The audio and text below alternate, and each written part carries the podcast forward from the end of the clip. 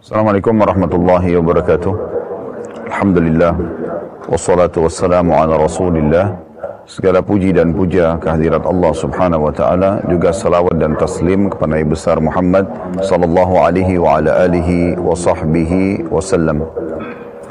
Baik teman-teman sekalian, uh, pada hari ini di hari Rabu biasanya kami rutin di Jakarta, di Indonesia secara umum kita ada kajian online bedah buku Riyadus Salihin. Dan kita insya Allah pada hari ini akan masuk bab baru bab ke-63. Masalah bab berlomba-lomba dalam urusan akhirat dan memperbanyak apa-apa yang membawa berkah. Di dalam bab ini Imam Nawawi rahimahullah mengangkat sebuah ayat dan dua buah hadis yang akan kita bacakan nantinya tentunya. Dan bagi teman-teman yang sedang mengikuti online maka bisa melihat uh, bab ini bab 63 dari kitab Riyadus Shalihin.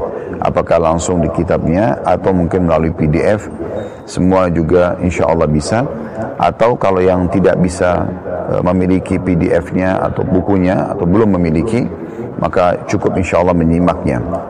Baik seperti biasa, kita bukan targetnya menyelesaikan bab, tapi bagaimana kita berusaha agar apa yang kita bahas ini membawa ilmu yang bermanfaat dan bisa menambah iman kita. Maka kita akan mulai dulu dari judul. Judulnya ini sangat dalam sebenarnya, walaupun yang diangkat oleh Imam Nawawi rahimahullah dalam bab ini hanya sebuah ayat dan dua buah hadis. Tapi bab ini berlomba dalam urusan akhirat dan memperbanyak apa-apa yang membawa berkah. Ini sesuatu yang luar biasa kandungan maknanya. Karena memang setiap muslim punya kewajiban untuk menjaga itu. Kita seorang muslim, menjadi seorang muslim punya kewajiban menjaga itu. Terlalu banyak dalil-dalil dari Al-Quran dan juga hadis Nabi alaihi salatu wassalam yang mengingatkan kepada kita tentang masalah pentingnya setiap muslim menjadikan akhirat sebagai targetnya dan bagaimana dia menunggangi dunia ini untuk meraih yang terbaik di akhirat. Jadi bukan hanya sebatas di dunia saja tapi dia akan mengejar apa yang dia dapatkan di akhirat sana. Semua aktivitas di dunia ini targetnya adalah bagaimana dia bisa mendapatkan balasan yang terbaik di akhirat sana. Apakah itu bakti dengan orang tua, berbuat baik dengan pasangan, uh, apa namanya, mendidik dan membiayai anak-anak, atau berbuat baik dengan kerabat secara umum atau tetangga atau sesama uh, manusia atau bahkan hewan-hewan pun dan makhluk-makhluk Allah yang lain semuanya itu bisa kita jadikan sebagai ajang untuk meraih pahala dan ini harusnya menjadi sebuah target bagi seorang muslim. Uh, dalam hadis Bukhari disebutkan pernah ada seseorang yang kehausan, kemudian dia turun ke sumur minum. Begitu dia keluar dari sumur, maka dia menemukan ada anjing yang kehausan.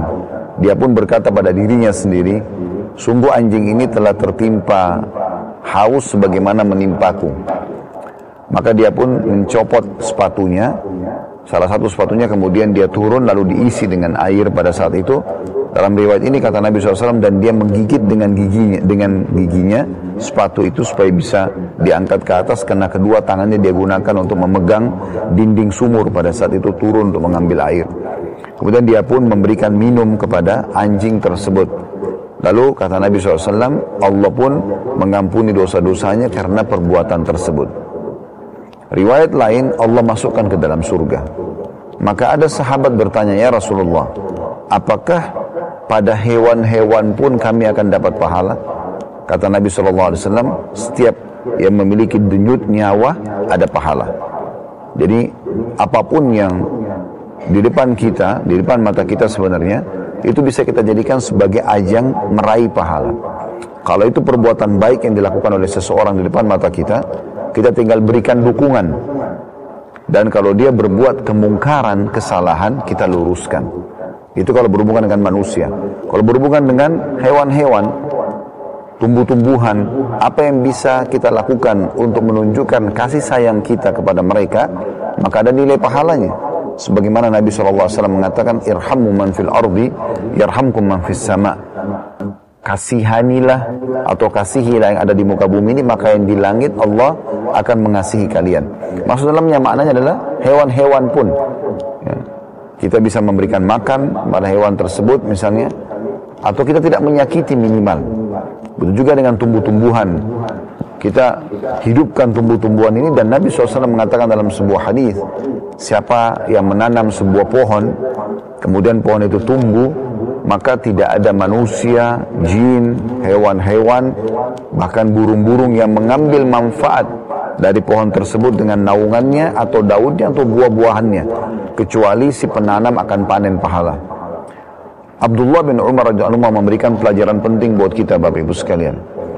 Bagaimana beliau di akhir hidupnya, di saat rambutnya semua sudah putih, jenggotnya semua sudah putih, sudah sangat tua, beliau sempat mengambil uh, bibit pohon kurma, kemudian beliau tanam dan disaksikan oleh banyak murid-muridnya gitu.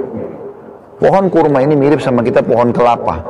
Jadi nggak semudah itu bisa segera bisa dinikmati hasil buahnya. Karena dia butuh waktu tahunan untuk tumbuh besar kemudian baru berbuah. Walaupun nanti setelah berbuah umurnya pun lebih panjang daripada pohon-pohon umumnya karena bisa juga puluhan tahun umurnya pohon-pohon kurma itu. Dan bisa juga dia panen ya cukup banyak.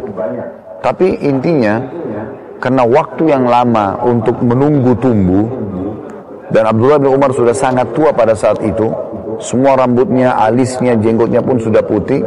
Maka murid-muridnya bertanya, wahai Abdullah, ya, bagaimana bisa anda mengambil manfaat dari pohon yang anda baru mau tanam? Padahal anda sudah umur berumur seperti sekarang. Maka kata Abdullah bin Umar dan ini prinsip seorang muslim. Dia mengatakan kalau saya tidak bisa mengambil manfaatnya sekarang, maka akan datang orang-orang setelahku mengambil manfaat darinya. Dan itu akan menjadi pahala buat dia. Ini semua muncul karena ada pemahaman tentang adanya kehidupan akhirat.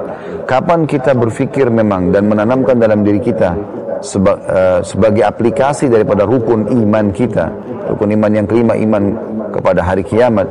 Bahwasanya itu pasti akan terjadi dan kita akan kembali ke sana. Maka semuanya urusan dunia ini menjadi kecil buat kita dan umumnya kita akan bawa ke sana. Bahkan tadi saya katakan bukan hanya uh, perbuatan baik orang lain yang kita dukung kita bisa dapat pahala atau kita melakukan perbuatan baik perbuatan kesalahan orang pun kita bisa jadikan sebagai ajang pahala dengan cara kita memberikan masukan dan nasihat Nabi SAW mengatakan dalam sebuah hadis, unsur akhaka zaliman au madluma. Tolonglah saudaramu dalam kondisi dia berbuat, dia e, terzalimi atau dia menzalimi. Ya. Maaf, tolonglah saudaramu dalam kondisi dia berbuat zalim, buat kejahatan, atau dia terzalimi. Maka para sahabat mengatakan, Ya Rasulullah, kalau dia terzalimi kami sudah faham, wajar dibantu. Tapi orang zalim, bagaimana kami membantunya? Kata Nabi SAW dengan cara kau meluruskan kesalahannya. Jadi meluruskan kesalahan orang, memberikan nasihat sehingga dia bisa berubah menjadi orang yang akhirnya beriman pada Allah. Dia hijrah dari kejahilannya, dari maksiatnya, dari kekafirannya kepada keimanan dan amal soleh. Ini adalah termasuk ajang pahala yang sangat besar pahala. Cuma banyak orang yang tidak pikir masalah ini. Syaitan kelabui dia. Karena dia sudah terlanjur, sudah hijrah. Kemudian dia e, melihat orang-orang yang belum hijrah itu sebagai orang-orang yang buruk. Ya. Misal dia udah sholat, dia udah tutup aurat. Dia udah coba hijrah maksimal. Kemudian dia lihat ada orang lain dalam kondisi buruk. Jauh dari agama. Maka di pikiran dia negatif. Orang ini pasti tidak baik. Atau orang ini ahli neraka misalnya. Maka ini pemahaman yang keliru. Justru kita harus bisa meraih pahala dari dia dengan meluruskan kesalahannya, mengingatkan masalah dia terima tidak terima itu urusan lain. Yang penting kita sudah menasehatinya. Dan kalau dia menjadi orang yang menerima nasihat dan berubah, kita akan panen pahalanya. Maka seperti ini pemahaman yang akan muncul kalau orang faham ada kehidupan akhirat. Dan memang teman-teman sekalian kita harus merenungi banyak hal berhubungan dengan masalah akhirat ini. Kita ini sudah manusia-manusia terakhir. Kita berada di fase sudah ada miliaran manusia sebelum kita. Allah mengutus 120 ribu lebih nabi, di antaranya 313 rasul, semuanya sudah selesai. Dan penutup mereka adalah Nabi Muhammad SAW. Kata Nabi SAW dalam sebuah hadis, hitunglah tanda-tanda kiamat itu lahirnya aku, diutusnya aku dan meninggalnya aku. Jadi tiga-tiga sudah terjadi. Lahirnya Nabi SAW, kemudian setelah itu umur 40 tahun diutus menjadi Nabi, umur 40 tahun diutus jadi Nabi, kemudian meninggalnya beliau. Dan Nabi SAW meninggal di awal tahun 11 Hijriah. Kita sekarang berada di tahun 1443 Hijriah. Jadi sudah 1430 tahunan ya, kurang lebih Nabi Muhammad SAW meninggal. Betul sudah lewat masa yang cukup jauh dari masalah hari kiamat. Oleh karena itu kita jangan lalai dalam masalah ini perlu kita e, mengatur sebuah program dalam hidup kita kalau saya ini diberikan batas umur oleh Allah dan saya harus maksimalkan sebelum menuju ke akhirat kalau seandainya teman-teman sekalian orang-orang yang ada di kuburan sekarang diberikan kesempatan oleh Allah subhanahu wa ta'ala untuk kembali hidup. Maka pastikan misalnya diberikan kesempatan kamu masih bisa hidup setengah jam. Pastikan orang-orang ini tidak mungkin mau setengah jam itu dipakai makan mencari makanan favoritnya. Kumpul sama pasangannya kumpul sama anak-anaknya. Atau mungkin dia jalan-jalan rekreasi di tempat-tempat yang biasa dia suka pergi tapi pastikan setengah jam itu dia akan pakai sujud kepada Allah Subhanahu wa taala. Salat, dia beristighfar, membaca Al-Qur'an, dia kejar ibadah-ibadah yang dia butuhkan. Berapa banyak orang yang lalai dengan hadis Nabi alaihi salatu wassalam, kalau anak Adam meninggal dunia, maka akan ikut bersamanya ke kuburan tiga. Keluarganya, hartanya, dan amalnya. Serta akan pulang dua.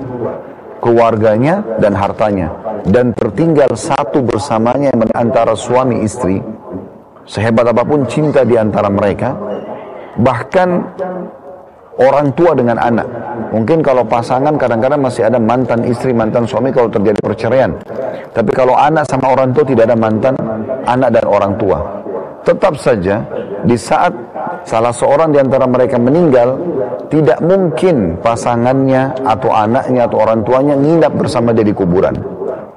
Pasti setelah setengah jam di kuburan mungkin satu jam dia doakan, habis itu dia akan pulang. Satu dua hari, seminggu dia bersedih mungkin.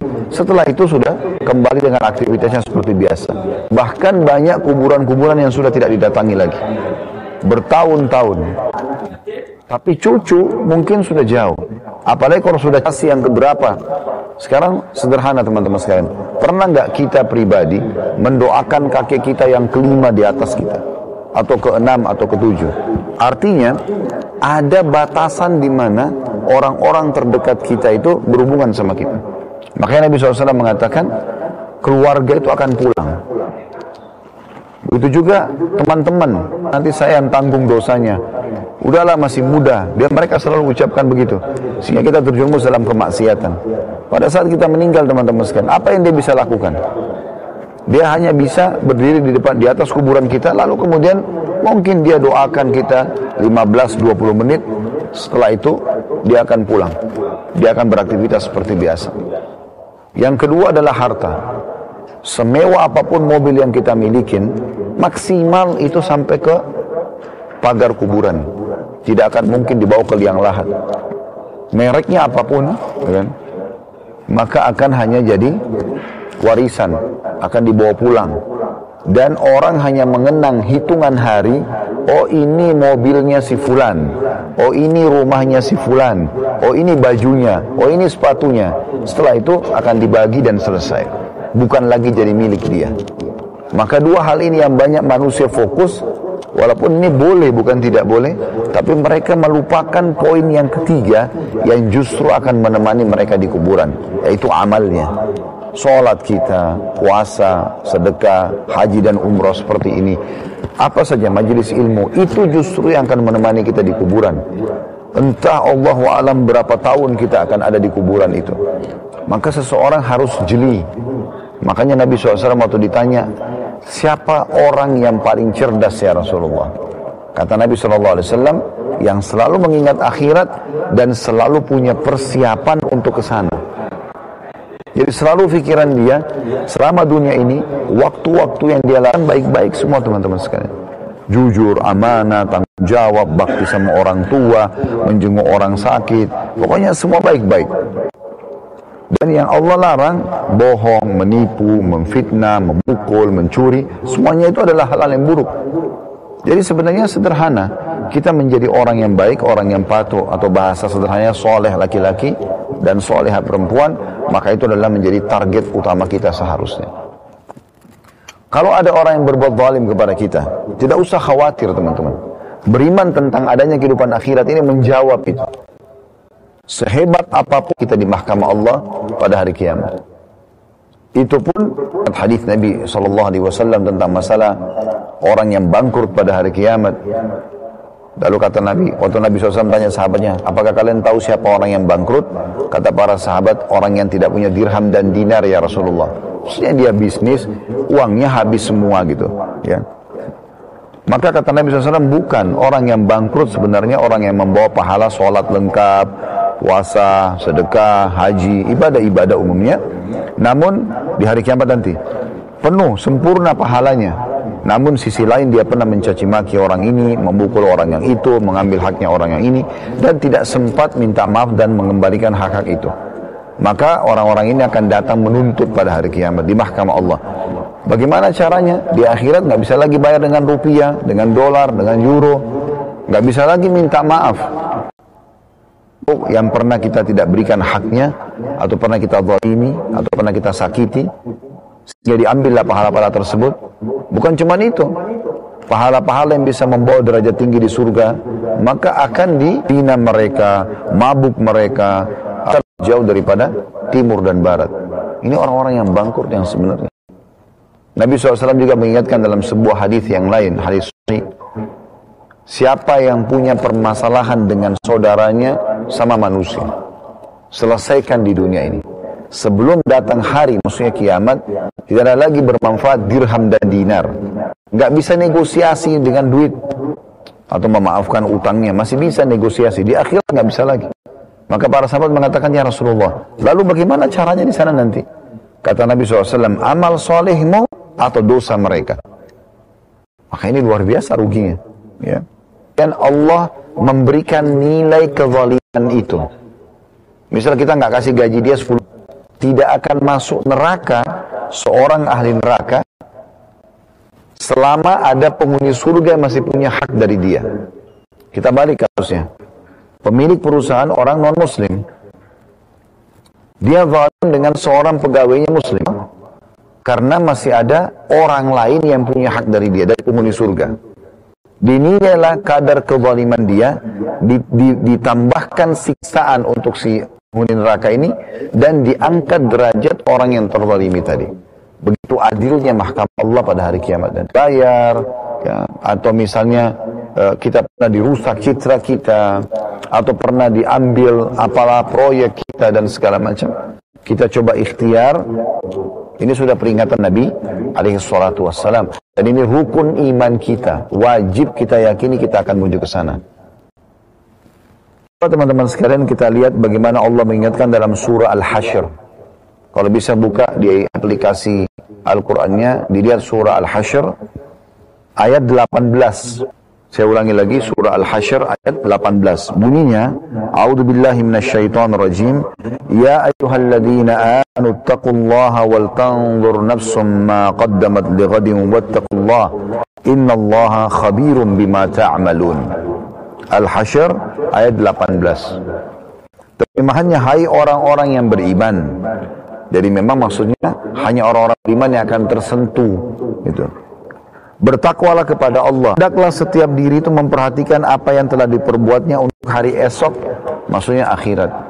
Hendaklah detik-detik hidup di dunia ini semuanya bermakna yang bisa dibawa ke sana gitu dan bertakwalah ya, rahimahullah artinya senantiasa Tuhanmu Allah mendekatkan waktu terjadinya kiamat sampai-sampai dia menjadikan seperti besok dari makna ayat ini salah satu maknanya adalah beliau mengatakan ada juga orang yang subhanallah su'ul khatimah lagi di diskotik, lagi berbuat maksiat kemudian tiba-tiba meninggal Kita bertanggung jawab dengan diri kita sendiri. Dan yang menentukan kita ini bisa. Jalan keselamatan ini adalah jalannya Allah. Yang selalu kita, kita pun selama ini coba menjaga sholat kita. Bahkan kita mengerjakan ibadah sekarang karena Allah. Seluruh muslimin yang Bapak Ibu lihat sekarang kalau kita lagi ke masjid dari Afrika, dari Eropa, dari mana-mana datang, mereka berzikir, mereka sholat, dan nanti kita akan lihat besok insya Allah di Mina, setelahnya di Arafah, di Muzdalifah, orang semuanya beribadah kepada Tuhan Allah. Ya. Maka seorang muslim harus ke sana dan dia tahu dia akan bertemu dengan Tuhannya Allah Subhanahu wa taala pada hari kiamat dan tidak mungkin luput masalah itu. Kalau kita meyakini masalah ini, hati kita akan tenang. Karena memang Allah berfirman, Rasulullah bersabda, Bapak Ibu kerjakan ini, Bapak Ibu jangan kerjakan ini. Anda konsultasi, kami akan jawab, gitu kan. Jadi kita terpandu gitu. Ini jalan yang benar. Jalan yang kedua, jalan menuju kehancuran, ujung-ujungnya neraka. Itu adalah lagi. Juru bicaranya bergaul sama mereka, maka akan dibawa ke Jangan teman-teman menggabungkan keduanya usahakan semaksimal mungkin selalu berada di jalan Allah. Maksud saya jangan gabungkan keduanya ini ada terganggu keimanan dia. Kapan teman-teman bisa merasakan nikmatnya iman? Kapan kita kalau sholat itu merasa tidak ingin berhenti? Kalau baca Quran tidak mau berhenti. Uh, kita jauhi dosa. Jadi saya sering kasih gambaran, maaf saya kasih gambaran dengan telapak tangan saya.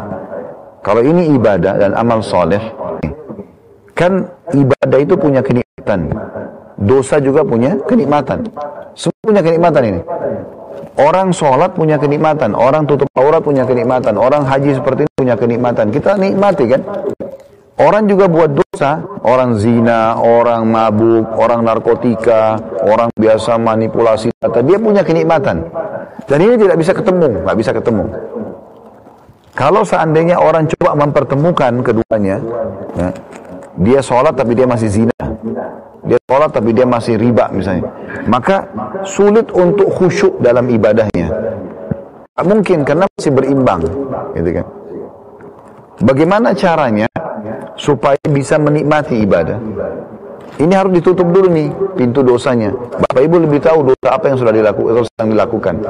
Berhentikan ini dan rutinitaskan saja ibadah. Yang wajib aja sholat lima waktu, puasa kayak begini haji. Nanti red imannya naik dosanya tertahan. Makin lama makin kentar rasanya iman itu. Sampai kadang-kadang walaupun kita tidak mengerti, kalau seandainya ini yang dominan, dosanya lebih ambruk lagi. Lama-lama ditinggalin ibadah itu. Contoh misal, saya kasih contoh yang lebih gampang, kita mulai dari ibu-ibu misalnya, jilbab contoh. Kalau ibu sudah pakai jilbab dan tahu ini kewajiban, tapi tiba-tiba beberapa hari rambut aja rasa kayak risih sekali. Kenapa? Karena dia sudah nikmatin ibadah jilbab tadi itu, tutup aurat itu. Nah, pelanggarannya buka aurat dia nikmati, kenikmatan tutup auratnya hilang. Dia bahkan bertanya, itu orang nggak panas pakai jilbab begitu. Jadi tidak bisa ketemu ini seperti minyak sama air. Ya. Contoh yang lain, misalnya bapak-bapak di sini setiap azan komitmen mau ke masjid, sholat. Mengejar keutamaan sholat berjamaah segala macam gitu. Baik, satu waktu sempat kebablasan tidur lewat. Misal contoh. Atau telat masuk satu rakaat. Ada penyesalan nggak? Ada penyesalan nggak? Kita muncul kalau kalau bapak bapak bapak ini sudah kita sudah nikmati. Nanti ada penyesalan kalau luput sedikit aja. Kita biasa sholat malam, terus kita ketiduran. Kayaknya, aduh sayang nih. Ya, seperti itu. Nah, sebaliknya, dan kita selalu lihat orang yang tidak sholat, aduh sayangnya ya dia nggak sholat. Ya, gitu ya. Kalau kita balik sekarang, kalau orang yang tidak sholat dan dia nikmati itu. Dia sholat, tidak sholat dan dia, dia, dia mati. Ya. Dia nggak sholat, dia uh, pokoknya tidak peduli dengan sholat itu. Maka dia nikmatin itu, tidak peduli waktu. Meeting aja, makan terus, ngobrol sama temannya. Mau lewat waktu asar, waktu maghrib, tidak peduli. Dia nikmati. Maka kenikmatan sholatnya hilang. Bagi dia tidak penting sholat itu. Ya kan? Kunci dosa ini.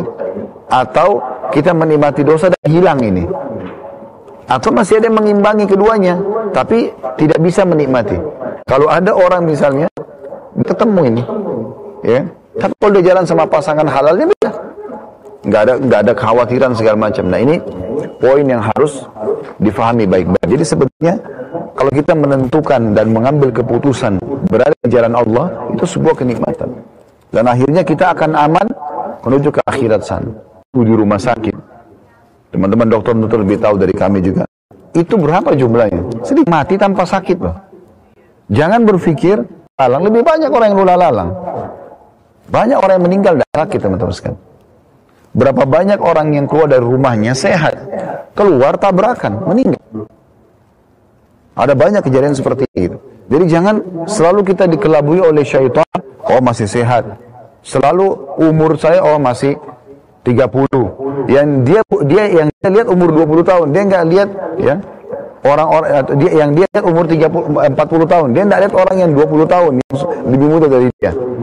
Salah satu tanda-tanda kematian kita teman-teman, adanya generasi yang lahir setelah kita. Kayak kita punya anak misalnya. Tidak disebutkan namanya dalam riwayat ya. Yang saat sahabatnya meninggal. Tapi bukan mati syahid. Nabi SAW juga sholatnya jenazahnya. Setelah disolati, kata Nabi SAW kepada para makmum waktu itu, para sahabat, dibanding temannya yang minggu lalu. Maka kata, minggu lalu itu mati syahid. Ini orang matinya bukan mati syahid, mati seranjang gitu. Maka kata Nabi SAW, kan kesempatan kita hari ini itu hari emas harus dimaksimalkan ibadah kepada Allah Subhanahu wa taala. Dan untuk menentukan diri kita mau ibadah atau tidak, modal sekalian. Seperti ada orang ditanya, "Kenapa kau nggak tobat? Kapan kamu mau tobat?" dalam hatinya. Misal orang baru mau mencuri. Orang rasa takut supaya dia jangan buat. Kalau dia tetap buat, Allah masih kasih waktu dia mungkin dilihat oleh orang. Dia bisa lari berhasil lolos. Kalau dia masih buat, Allah buat nanti ditangkap dia oleh masyarakat setempat, digebukin mati. Tahapannya ada. Orang berzina di hotel. Awal dia membuat, dia ketakutan. Allah sudah datang sih, kalau dia berhenti itu berarti dia sudah bagus. Tanda keimanan dia lakukan, nanti Allah akan bongkar dia di medsos. Ada keputusan di tangan kita. Jangan pernah terpengaruh dengan dengan lisan orang. Ini sering kami ingatkan bagi teman-teman yang baru hijrah. Apa pun orang bilang, misalnya anggap kita dulu masa lalu kita buruk sekali. Pokoknya tidak dosa yang tidak kita lakukan lah. Sekarang kita sudah tobat. Mungkin pada saat ketemu sama teman-teman yang lalu mereka mengatakan, ah kamu juga dulu gini kok. Nah apa-apa, jawab, iya ini saya sekarang. Sampai untuk ini teman-teman jawab, iya saya sekarang begini. Saya juga mengingatkan teman-teman yang hijrah, kemudian masih ditelepon sama temannya untuk ke karaoke, ke diskotik, segala macam. Jangan nggak jawab telepon mereka. Jawab telepon, Assalamualaikum warahmatullahi wabarakatuh. Eh kok kok sekarang berubah sudah alim pakai salam. Apalah segala macam mungkin diolok-olok. Oh iya, saya udah ikut pengajian. Ayo kita ke karaoke sana. Oh saya sudah taubat sekarang, saya nggak mau. Apa pun yang mereka ucapkan, tidak apa-apa. Bapak, eh, saya sekarang sudah ikut pengajian. Saya berharap kamu satu waktu ikut sama saya ya. Pastikan teman-teman besok dia nggak akan telepon lagi. Tapi kalau kita nggak jawab teleponnya, karena nggak enak, dia akan telepon terus. Bahkan dia datang ke rumah kita dan terus mengajak kita. Dan akhirnya ditunggangi oleh syaitan, hormatin, dicintai Allah, diberikan pahala, disukai oleh manusia. Kalau orang yang menjadi orang baik, jujur, amanah, tanggung jawab, dermawan, soleh dan soleh, itu orang pasti akan suka. Niatkan, kita minum karena kita haus. Berarti ada sinyal dari Allah pencipta tubuhmu sedang butuh cairan. Kita minum untuk memberikan hak jasad kita. Kita tidur supaya lebih kuat beribadah, memberikan hak jasad kita. Kalau niatnya ke sana, yang mubah bisa menjadi sunnah. Mandi pun begitu, memberikan hak jasad kita supaya segar kembali. Kita rawat apa yang Allah amanahkan. Ya, makanya orang kalau jadi jenazah saja tetap dimandikan padahal dia sudah sebentar lagi dimasukkan di tanah kotor bahkan mungkin dimakan oleh belatung-belatung tanah. Tapi kenapa dimandikan? Karena itu jasad Allah amanahkan. Semasa hidup juga kita seperti itu. Jadi kita bisa meraih banyak sekali pahala. Menanggapi hadis ini, Abdullah bin Umar yang tadi bilang pundaknya dipegang oleh Nabi SAW lalu Nabi mengatakan jadikan dirimu di dunia seperti orang asing atau orang yang lewat saja. Dia mengatakan ida amsaita fala tantadhiru sabah. Oleh karena itu, beliau nasihati kita semua. Beliau mengatakan dari hadis Nabi ini, ingatlah, kalau kalian tiba di sore hari, jangan tunggu pagi. Nggak ada jaminan kita masih hidup besok. Maksimalkan ibadah sekarang. Ada dosa masa lalu segera taubat.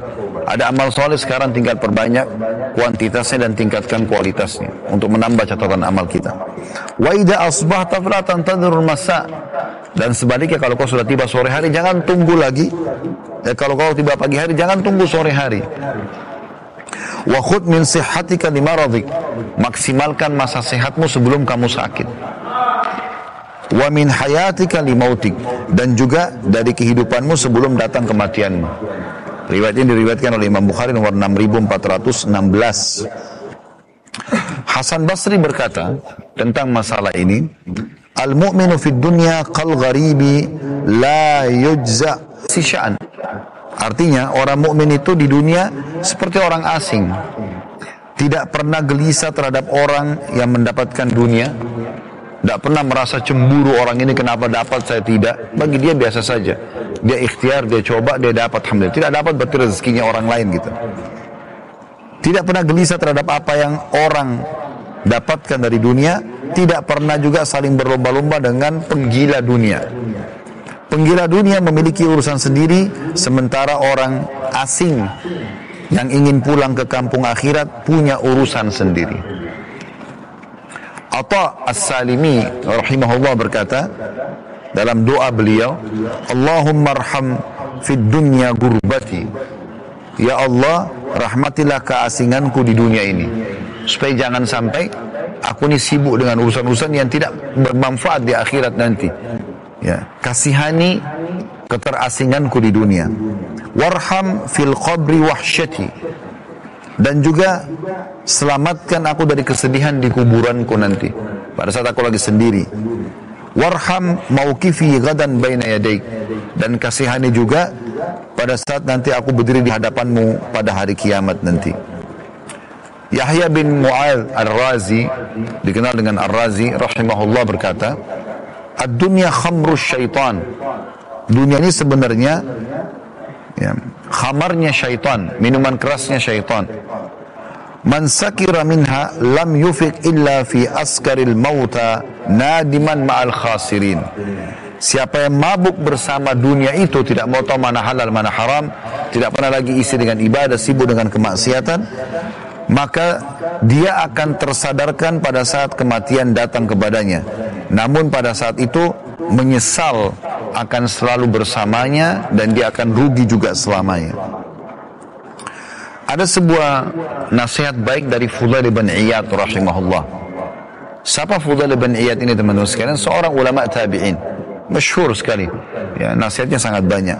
Dia pernah bertemu dengan seseorang, lalu dia tanya. Orang ini kebetulan umurnya sudah 60 tahunan. Beliau mengatakan, mengatakan, Kam atat alaik Berapa umurmu sekarang? Orang tua itu bilang, Situna sana, 60 tahun. Fudail berkata, Fa anta mundu sittina sana, tasiru ila rabbika yushiku an tabluk. Kalau begitu kau sudah 60 tahun, jalan menuju Tuhanmu, dan sebentar lagi kamu sampai. Maka orang itu mengatakan inna lillahi wa inna ilaihi raji'un. Kami milik Allah, kami akan kembali kepada Allah. Maksudnya dia tersentuh nih. Iya ya, saya sudah 60 tahun, berarti sudah 60 tahun saya diberikan waktu kesempatan menuju ke Tuhan Allah dan sebentar lagi pasti akan mati. Fudail mengatakan, "Ata'rifu tafsirah?" Apa kau tahu makna kalimatmu itu atau kau bilang inna lillahi wa inna ilaihi raji'un? Kami milik Allah, kami akan kembali kepada Allah. Maka orang itu pun terdiam, lalu Fudail mengatakan, Ana lillahi abdun wa ilahi raja' Arti kalimatmu inna lillahi wa inna ilaihi raji'un. Kami milik Allah, kami akan kembali kepada Allah. Ini kan biasa disebutkan kalau ada musibah. Orang ini menganggap musibah buat dia nih. 60 tahun dia masih sedikit bekalnya, sebentar lagi dia akan mati gitu. Maka kata beliau artinya adalah sesungguhnya kita ini kami ini milik Allah dan pasti akan kembali kepadanya. Faman alima anna lillahi abd Siapa yang menyadari dia adalah hamba bagi Allah wa anna ilaihi raji' dan dia pasti akan kembali kepada Tuhannya itu fal ya'lam annahu mauquf maka dia harus sadar dia akan dihadirkan nanti dihadapkan kepada Allah. Wa man alima annahu mauquf dan siapa yang tahu nanti dia akan diberdirikan di hadapan Allah fal ya'lam annahu mas'ul dia juga harus menyadari dia akan diminta pertanggungjawaban. Wa man alima annahu mas'ul maka siapa yang tahu dia akan diminta pertanggungjawaban fal yu'id lis-su'ali jawaba. Oleh karena itu dia harus punya persiapan untuk menjawab pertanyaan-pertanyaan Allah nanti. Maka orang ini berkata famal hila kalau gitu apa solusinya saya sekarang baru dengar nih, baru engah sekarang. Sudah 60 tahun. Apa solusinya? Kata Fudail Yasirah. Mudah sebenarnya. Orang itu berkata, Mahia, apa solusinya? Maka Fudail mengatakan, Tuhsinu fima bakia yukfaru laka ma madha. Kau maksimalkan beramal baik, beramal soleh di sisa umurmu, maka yang lalu-lalu akan dimaafkan. Fa innaka in asa'ta fima baki, kalau kau tetap merusak yang tersisa dari umurmu ini, ukhitta bima mawa wa bima baki maka kau akan dihisap oleh Allah terhadap apa yang sudah berlalu dan yang akan datang. Dan ini nasihat yang luar biasa tentang masalah ya, bagaimana seseorang itu menyadari adanya kehidupan akhirat nanti. Ada satu juga ulama tabi'in teman-teman. Um, subhanallah saya terlupa namanya. Orang ini dia gali liang lahat di belakang rumahnya. Dan hampir setiap malam dia masuk di situ. Dia aja sendiri pribadi.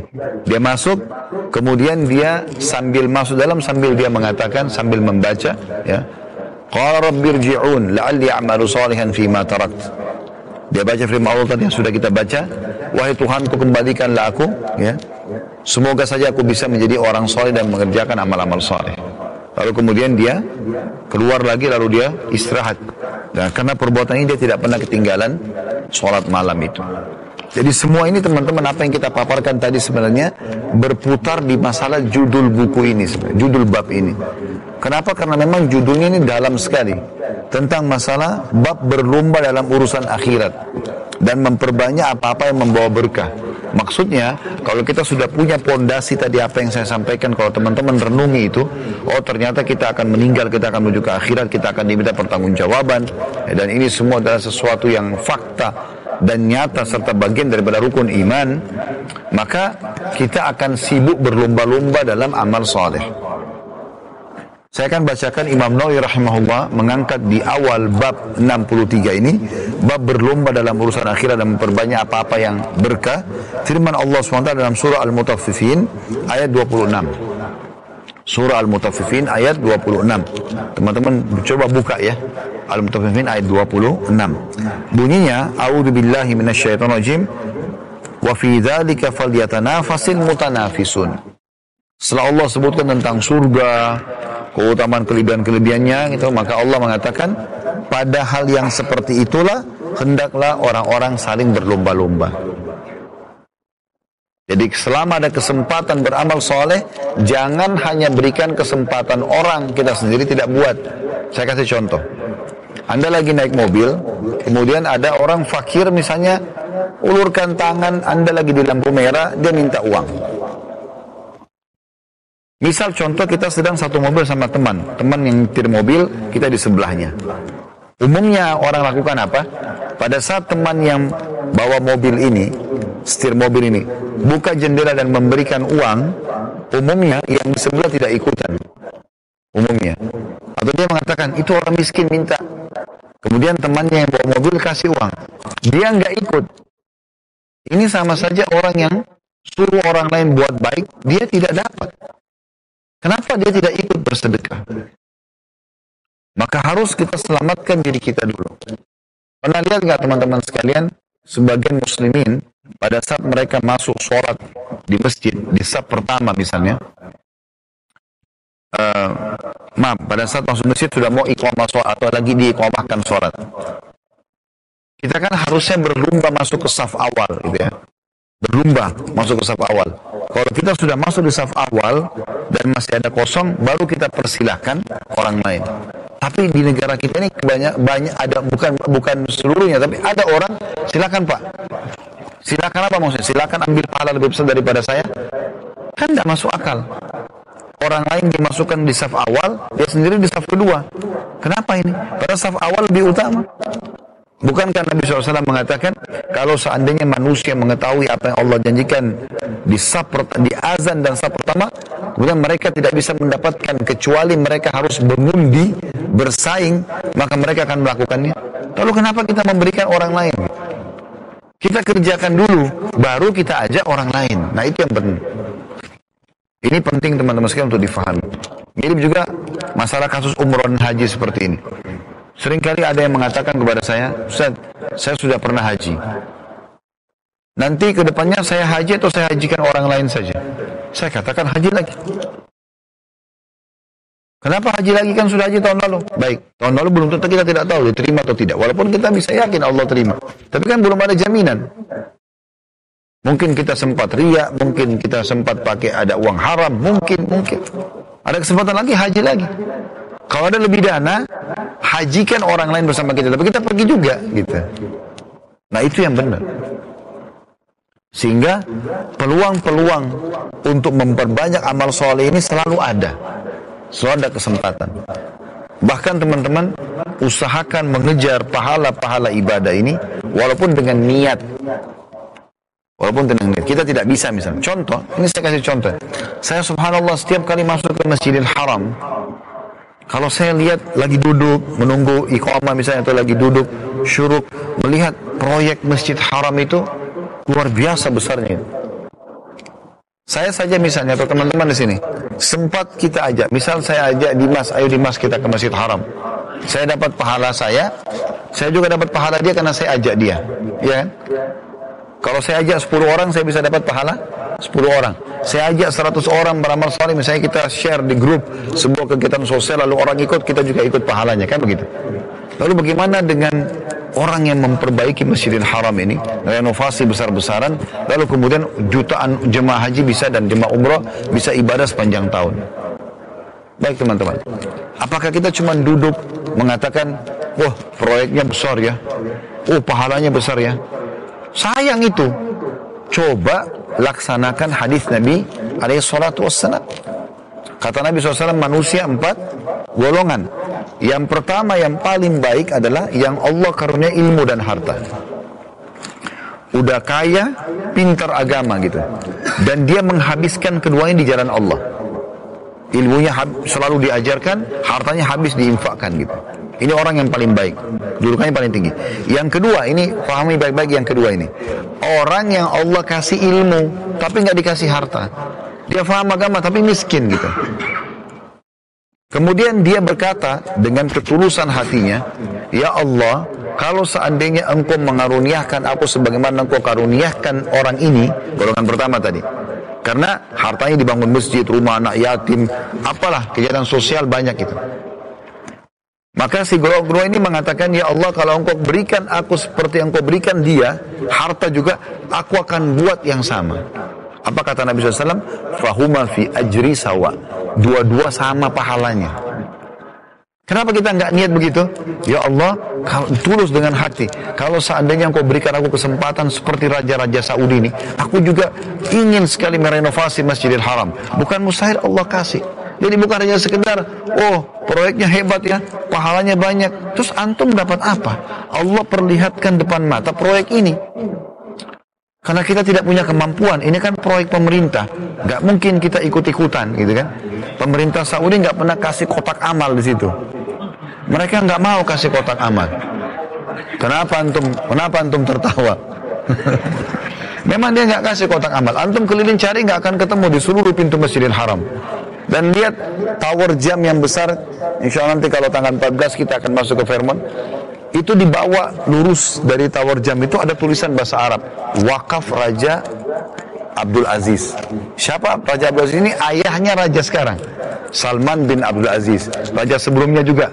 Ada Abdullah ada Fahad ya. Ada Khalid ada Faisal ada raja-raja Saudi ini itu semua bin Abdul Aziz mereka rupanya sepakat waktu ayah mereka meninggal dari uang-uang warisan itu selain ada yang dibagi untuk ahli waris, mereka sepakat untuk mengeluarkan hak si mayit sepertiga harta. Kan Nabi SAW mengatakan, Allah masih memberikan kesempatan untuk kalian menambah amal soleh kalian sepertiga dari harta yang kalian tinggalkan. Kita masih boleh tulis wasiat. Nanti kalau saya mati, sepertiga harta saya dikembalikan ke masjid ini ya, ke rumah anak yatim ini ya, wakaf tanah ini ya, sepertiga harta, nggak boleh lebih. Itu masih bisa kita wasiatkan gitu. Nah, mereka sepakat ahli waris keluarkan dari warisan itu, dibeli tanah itu. Jadi tanah itu dibeli oleh pemerintah bukan langsung diambil begitu saja. Dibangun sama dia, diwakafin khusus untuk Raja Abdul Aziz ayah mereka. Semua pendapatan hotel di situ, pendapatan mallnya juga, itu lari pembangunan masjid. Artinya kalau kita nginap di sana, kita panen pahala juga itu. Itu satu-satunya cara itu. Karena nggak ada kotak amal gitu. Ya. Tapi maksud saya teman-teman sekalian, ada satu celah syar'i kalau kita belum diberikan kesempatan oleh Allah untuk melakukan tulus niat dalam hati betul-betul ingin kalau Allah berikan kesempatan saya akan buat yang sama. Kenapa antum tidak niat itu? Masjid Nabawi proyek yang besar. Atau misalnya ada orang yang banyak membangun masjid. Atau misalnya ada seorang pemimpin yang masya Allah sangat adil. Kenapa kita tidak niat ya Allah kalau engkau berikan kesempatan seperti itu aku juga ingin mengerjakan yang sama. Ya kita serahkan kepada Allah. Dan tidak ada ruginya itu hitungan detik. Kalau Allah kasih luar biasa kita panen. Ini poin penting. Golongan yang ketiga ini buruk ini Allah kasih harta tapi nggak dikasih ilmu. Kaya tapi nggak paham agama nih. Sehingga akhirnya dia menghabiskan hartanya dalam kemaksiatan. Bangun diskotik, bar, karaoke, segala macam, mabuk-mabukan, dosa. Datang golongan keempat, ini yang paling buruk. Nggak ada harta, nggak ada ilmu. Udah miskin bodoh nih. Lalu apa yang terjadi? Dia bukan melihat golongan kedua sama pertama teman-teman. Yang dia lihat golongan ketiga. Yang tadi foya-foyakan hartanya dalam maksiat. Lalu dia bilang, kalau saya punya harta seperti ini saya akan buat yang sama. Dia niat dalam hatinya kalau dia punya uang dia juga mau bangun diskotik, mau bar segala macam. Apa kata Nabi SAW? Fahuma fi wazri sama, sawa. Fahuma fi wazri sawa. Maka dua-duanya dosanya sama. Ini udah nggak punya harta, udah nggak punya ilmu, panen dosa lagi. Makanya hati-hati teman-teman sekalian. Tapi kita ingin titik beratkan poin yang kedua. Di situ bisa masuk dalam makna ayat ini. Oleh karena itulah dalam setiap amal soleh ini setiap mukmin harusnya berlomba-lomba. Itu. Teman-teman kita yang sedang tidak haji sekarang, mereka bisa dengan tulus sebenarnya dalam hatinya. Kalau ya Allah engkau berikan kesempatan kami seperti mereka, kami akan buat juga. Tapi ya tulus antara dia sama Tuhannya. Allah bisa kasih pahala itu. Begitu sabda Nabi SAW. Kan begitu. Ini poin juga perlu digarisbawahi. Baik kita akan masuk teman-teman hadis pertama. Ada dua buah hadis. Kita bacakan dua-duanya insya Allah.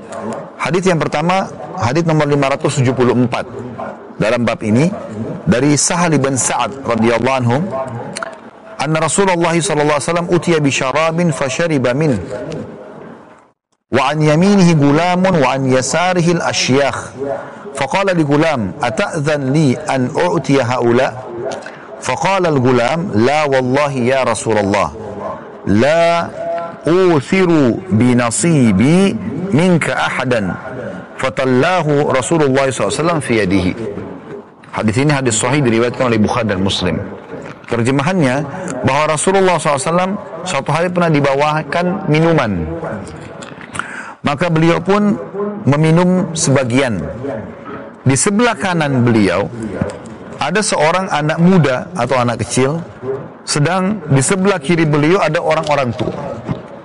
Tradisi Nabi SAW itu, kalau selepas sholat subuh atau di waktu-waktu tertentu, beliau minta diantarkan susu, lalu kemudian beliau minum di satu wadah. Lalu beliau memberikan wadah yang sama kepada temannya yang ada di sebelah kanannya. Jadi bekas Nabi gitu.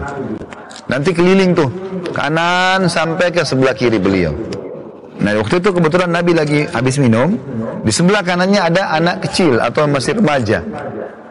Maka di sebelah kirinya ada orang-orang tua. Nabi SAW memulai sebelah kanan. Dan beliau memang menganjurkan itu ya. Agar kita selalu mendahulukan sisi kanan gitu. Maka dikatakan di sini di sebelah kanan beliau ada anak kecil dan sebelah kiri beliau ada orang-orang tua. Lalu beliau berkata kepada anak kecil tersebut, apakah engkau mengizinkanku untuk memberikan minuman ini kepada mereka terlebih dahulu, kepada orang-orang tua itu dulu? Ini bekas Nabi, ya. Di sini kita lihat bagaimana orang boleh bersaing dalam hal-hal yang positif dan mendahulukan diri mereka, baru kemudian orang lain gitu ya. Maka anak kecil itu mengatakan, tidak demi Allah wahai Rasulullah, saya tidak akan mendahulukan siapa pun dalam mendapatkan bagian saya dari anda. Maka Rasulullah SAW meletakkan minuman itu di tangannya. Di sini kita fahami teman-teman sekalian dari hadis, bukan berarti anak kecil ini kurang ajar dengan orang tua atau tidak mau mengejar pahala dari orang-orang tua itu? Bukan. Tapi menerima pemberian nabi ini sebuah karunia yang besar gitu. Dan Nabi SAW menyunahkan orang mulai dari sisi kanan. Pada saat Nabi SAW tawarkan kepada dia mau nggak minuman ini? Kamu saya dahulukan orang-orang tua ini. Dia mengatakan tidak demi Allah. Saya tidak mungkin mendahulukan orang lain ya menerima dari pemberian anda. Maksudnya saya mau duluan maka Nabi SAW berikan kepada anak kecil tersebut. Ini tandanya dalam Islam dibolehkan kita mendahulukan diri kita dulu dalam hal ibadah. Baru kemudian orang lain. Saya sudah kasih contoh tadi. Masuk dulu di saf awal, baru aja orang lain. Umroh dulu, ada kelebihan dana umrohin orang lain. Begitu. Jadi diri kita selalu ada di situ. Bukan hanya selalu menyuruh-nyuruh orang saja. Dari hadis ini teman-teman kita ambil banyak sekali pelajaran. Yang pertama adalah mana ya, akhlak Nabi Shallallahu Alaihi Wasallam. Beliau selalu memberikan perhatian khusus kepada para sahabatnya. Seperti misalnya, setiap beliau salam, selesai zikir, beliau tanya, mana si fulan? Beliau hafal tuh sahabat-sahabat yang ada gitu. Kalau ada, kalau tidak ada, dia tanya, siapa tetangganya? Kalau ada yang tahu berita, oh lagi sakit, dijenguk. Kalau tidak tahu beritanya, dia suruh tetangganya, coba datangkan informasi kepada kami apa yang terjadi dengan si fulan. Beliau juga sering kali menanyakan apakah ada yang mimpi, lalu beliau tafsirkan atau takwilkan mimpi tersebut. Beliau SAW juga suka begini. Kalau ada karunia yang Allah berikan, beliau berbagi dengan para sahabatnya. Termasuk berbagi minuman beliau SAW. Gitu. Itu yang pertama, itu akhlak. Yang kedua, bolehnya seseorang muslim itu minum satu wadah bersama. Dan kita harus hilangkan bahasa jijik gitu kan. Kecuali memang maaf ya, orangnya memang sangat jorok, kotor. Tapi kalau seandainya suami istri, orang tua sama anak, karena kadang-kadang maaf, saya lihat ada orang terlalu sensitif. Bekas anaknya aja dia nggak mau minum, atau bekas saudaranya, atau bekas orang tuanya gitu. Itu mulai terjalin masih kecil itu. Saya lihat anak-anak saya di rumah, kalau kakaknya minum, ya adiknya nggak mau minum lagi. Lalu saya duduk, saya luruskan. Mereka masih kecil sudah digoda sama syaitan. Kenapa nggak mau minum nak? Oh bekas kakak. Memang kenapa kalau bekas kakak? Gitu kan? Kita harus luruskan. Kecuali sudah kotor, sudah kontaminasi bakteri, apalagi yang saudaranya sendiri. Ini juga bukan berarti teman-teman, oh kalau gitu Ustaz sebentar ada air zam-zamnya orang, dia minum saya minta bekasnya. Bukan. Bukan itu maknanya, jangan disalahfahami gitu kan. Tapi ada anjuran di sini, contoh dari Nabi SAW, beliau berbagi dengan orang-orang yang beliau kenal, ya gitu. Tadi saya sudah kasih contoh, mungkin paling tidak dengan orang-orang terdekat kita. Nabi SAW sering kali meminum di gelas di bekas bibirnya Aisyah radhiyallahu anha. Jadi itu ada ya hal-hal seperti itu. Kemudian selanjutnya pelajaran yang ketiga yang bisa diambil dari hadis adalah bagaimana seorang muslim dan ini jadi saksi bahasan kita mendahulukan dirinya dalam hal ibadah daripada orang lain. Kita tutup teman-teman sekalian dengan hadis yang kedua karena memang cuma dua buah hadis dalam bab ini. Hadis nomor 575. Berbunyi dari Abu Hurairah radhiyallahu anhu dari Nabi sallallahu alaihi wasallam beliau bersabda, "Bainama Ayyubin alaihi salam yagtasilu uryanan." فخر عليه جراد من ذهب فجعل أيوب يحثي في ثوبه. فناداه ربه عز وجل يا أيوب ألم أكن أغن أغن ألم أكن أغنيتك؟ عما ترى؟ قال بلى وعزتك ولكن لا غنى بي عن بركتك. Hadis ini Bukhari. Terjemahannya kata Nabi SAW, tak kala Nabi Allah Ayub alaihissalam mandi dalam keadaan dia telanjang, dia lagi mandi umum orang di kamar mandi tidak berbusana, mohon maaf, tiba-tiba jatuh di hadapannya belalang-belalang emas. Belalang, model belalang tapi dari emas gitu. Maka Nabi Ayub alaihissalam segera mengumpulkannya di dalam bajunya. Dia ambil bajunya, lalu pungutin tuh belalang-belalang emas tuh. Jadi emas tapi bentuknya seperti belalang. Dikumpulin di bajunya gitu. Maka Allah pun yang maha mulia dan maha tinggi memanggil Ayub sambil mengatakan, Wahai Ayub, bukankah aku telah memberimu kekayaan melebihi dari apa yang kamu lihat? Untuk apa kamu pungut-pungut nih? Kamu sudah saya kayakan. Nanti kita kasih, gambaran atau beri gambaran tentang Nabi Ayub alaihissalam ya. Maka dia menjawab, benar demi kemuliaanmu wahai Tuhanku. Tapi aku tidak bisa untuk tidak butuh dari keberkahanmu. Maka Allah pun memberikan kepadanya. Hadis ini teman-teman sekalian memberikan banyak sekali pelajaran kepada kita. Tentang bolehnya seseorang itu tamak dari rahmat Allah. Tamak terhadap rahmat Allah gitu. Boleh nggak? Saya udah kaya minta lebih kaya. Boleh. Itu tamak dengan rahmat Allah. Selama jalannya yang halal. Gitu kan? Boleh nggak saya sudah sehat minta berikan kesehatan? Boleh. Gitu kan? Boleh nggak saya sudah haji saya minta diulangin haji-haji lagi? Boleh. Boleh nggak saya sudah punya ini, punya itu, fasilitas yang bagus, minta agar Allah berkahi, Allah jaga. Boleh, tamak terhadap rahmat Allah boleh. Tapi bukan tamak terhadap apa yang di tangan orang lain. Yang Allah berikan kepada kita saja. Karena tamak terhadap di tangan orang lain itu tidak boleh. Sehingga nanti akhirnya muncul hasad. Kita berharap agar hilang nikmat dari dia dan segala macam gitu. Tapi Allah berikan boleh, gitu kan? Dan itu tidak dilarang dalam agama. Untuk mencari tambahan keberkahan. Baik, kita ambil pelajaran pertama dari hadis ini. Teman-teman sekalian, kisah Nabi Ayub alaihissalam. Siapa Nabi Ayub ini? Pernah dengar nggak ada istilah sabar Ayub? Ya. Nabi Ayub ini orang yang tampan, kaya raya, terkenal di kaumnya, pemimpin kaumnya gitu. Allah nobatkan jadi nabi lebih mulia lagi. Beliau berumah tangga sekitar 20 tahun, itu Allah karunia 12 orang anak. Dia tampan, istrinya cantik, dia kaya raya, dia nabi, tokoh masyarakat, punya anak 12 semuanya laki-laki. Semuanya sehat-sehat. 20 tahun tidak ada masalah. Kemudian setelah itu, tahun ke-21 dari masa nikmat yang besar Allah berikan itu, Allah datangkan ujian dalam tiga hari saja. Hari pertama, Allah uji dia dengan bangunan rumahnya rubuh di ruang makan di mana 12 anak laki-lakinya duduk semua di situ kena rubuh bangunan mati semua. Hari itu, hari, satu hari. Cuma jatuh bangunan, mati semua 12-12-nya. Jadi dalam satu hari tidak punya anak. Hari yang kedua, semua peternakan dia, perkebunan dia, ditimpa hama, habis semua. Jadi orang miskin. Hari yang kedua. Hari yang ketiga, Allah datangkan penyakit yang kita tahu penyakit kusta ya waktu itu.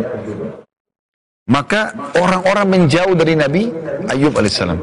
Dalam tiga hari saja, dia sudah tidak punya keturunan, dia tidak punya harta lagi.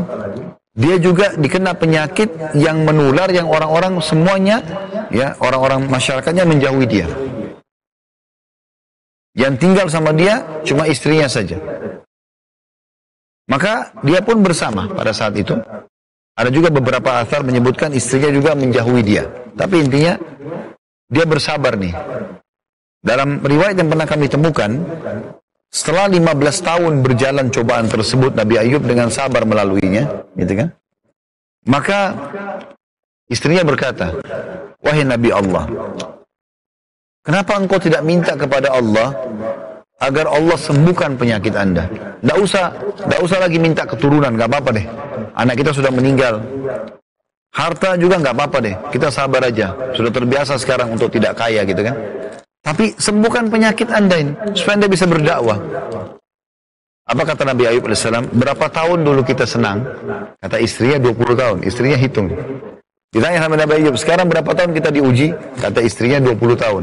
Kata Nabi Ayub AS, saya masih malu minta sama Allah. Dia tunggu pas 20 tahun juga. Baru Nabi Ayub mengucapkan dalam Al-Quran diceritakan itu. Uh, dia mengatakan, Rabbi anni massaniyadhur wa anta arhamur rahimin. Wahai Tuhanku, sungguhnya aku telah ditimpa penyakit, tapi kau zat yang maha penyayang. Beliau nggak bilang, ya Allah ini sudah 20 tahun nih, hilangkan penyakit saya. Enggak. Artinya kalau engkau mau tetap puji aku nggak masalah, kalau mau dihilangkan penyakitin juga nggak masalah, mau dibiarkan juga nggak ada masalah gitu. Engkau zat yang maha penyayang. Akhirnya Allah subhanahu wa ta'ala menerima permintaan dan hajatnya dia. Dalam tiga hari juga teman-teman sekalian kuasa Allah ya beliau dapat berita gembira. Di hari itu Allah sembuhkan penyakitnya. Allah keluarkan mata air dekat ranjangnya dengan cara dia menepukkan telapak kakinya. Lalu dia mengambil air tersebut dimandi, disiram ke badannya, sembuh. Dan dia menjadi lebih muda dan lebih kuat daripada 20 tahun yang lalu. Kemudian selanjutnya, ya, Allah subhanahu wa ta'ala pada saat dia sembuh, mengutus kaumnya. Kaumnya dengar, oh Nabi Ayub sudah sembuh. Mereka datang semua. Ada yang bawa sapi, ada yang bawa unta, ada yang bawa domba, ada yang kasih hadiah kebun. Dalam satu hari kembali kekayaannya. Dan lebih banyak daripada kekayaan dia yang 20 tahun yang lalu. Di hari ketiga, Allah berikan, berikan berita gembira, istrinya hamil. Dan subhanallah istrinya setelah itu terus melahirkan anak sampai jumlahnya 24. Yang Allah ambil 12, ini double. Allah kasih 24. Dia bersabar dalam melalui cobaan tersebut. Ya, tapi di sini yang kita perlu titik beratkan dalam riwayat ini, Nabi Ayub alaihissalam waktu lagi melimpah rezeki, ya, setelah dia sembuh dari ujian tadi, Allah kasih dia kekayaan banyak. Rupanya Allah ingin menguji Nabi Ayub alaihissalam. Lagi mandi sendirian, tiba-tiba Allah jatuhin ya emas bentuk belalang di kamar mandinya. Maka dia pun memungut tadi, mengambil itu. Maka Allah mengatakan, Hai Ayub, bukankah kau sudah cukup aku berikan terhadap nikmat yang banyak ini? Artinya, yang kau miliki lebih banyak daripada emas-emas belalang ini. Maka Nabi Ayub alaihissalam mengatakan, Ya Allah, benar, tapi dengan kemuliaanmu, aku tidak ingin jauh atau uh, uh, terharamkanlah dari keberkahan. Maksudnya tambahan. Maka Allah bolehkan. Gitu kan? Ini pelajaran pertama tentang kisah Ayub alaihissalam. Pelajaran yang kedua, bolehnya seseorang mukmin tamak terhadap rahmat Allah sebagaimana tadi sudah saya bahasakan. Tamak terhadap rahmat Allah Subhanahu wa taala. Kita ingin minta dilebihkan oleh Allah itu dibolehkan. Dan ini termasuk pesan yang penting. Yang yang yang yang yang perlu diambil pelajaran adalah dari apa yang Allah karuniakan kepada kita sekali lagi. Bukan kita minta nikmat yang ada pada orang lalu orang hilang nikmat itu. Kalau ada nikmat pada seseorang kita minta Allah berikan yang sama tanpa berharap hilang dari dia itu dibolehkan. Ya. Pernah dengar masalah hasad ya, iri dan dengki ya, itu kan tidak boleh. Bagaimana iri dan dengki itu? Kalau ada seseorang yang kaya, seseorang yang tampan, seseorang yang cantik, seseorang yang pintar, kita cemburu sama dia, lalu kita berharap hilang dari dia gitu. Pas kita dengar si tampan atau si cantik ini tabrakan, mukanya kena luka, syukurin tuh. Nah ini berarti dia iri. Ya, gitu. Baru beli mobil, tetangganya, kemudian tidak sengaja tabrak tembok. Wah, syukurin tuh. Misalnya. Atau tetangganya yang baru beli kulkas, beli AC, dia yang kedinginan. Ya. Maka ini iri, tidak boleh hasad. Kata Nabi SAW, hati-hati dengan hasad, karena dia bisa membakar pahala, sebagaimana api membakar kayu bakar. Tapi ada namanya ghibtah. Apa itu ghibtah, teman-teman? Kita melihat ada kelebihan yang Allah berikan pada seseorang, kita berharap Allah kasih sama, tapi syaratnya, tidak berharap hilang dari dia. Jadi contohnya Allah kasih ilmu dan harta. Kita minta ya Allah kalau kau kasih aku juga sama, aku akan buat yang sama. Tapi tidak berharap orang itu hilang dari dia. Nah ini dibolehkan. Ini namanya tamak terhadap rahmat Allah subhanahu wa ta'ala. Allahu alam. Ini bahasanya insya Allah. Dan pertemuan akan datang lanjutannya itu masuk ke bab 64 masalah bab keutamaan orang kaya yang bersyukur yakni orang yang memperoleh harta secara halal dan membelanjakan dalam hal-hal yang diperintahkan itu bab bahasan yang akan datang insya Allah Walau benar dari Allah, walau salah saya mohon dimaafkan. Subhanakallah bihamdika. Asyhadu an la ilaha illa anta astaghfiruka wa atubu ilaik. Wassalamualaikum warahmatullahi wabarakatuh.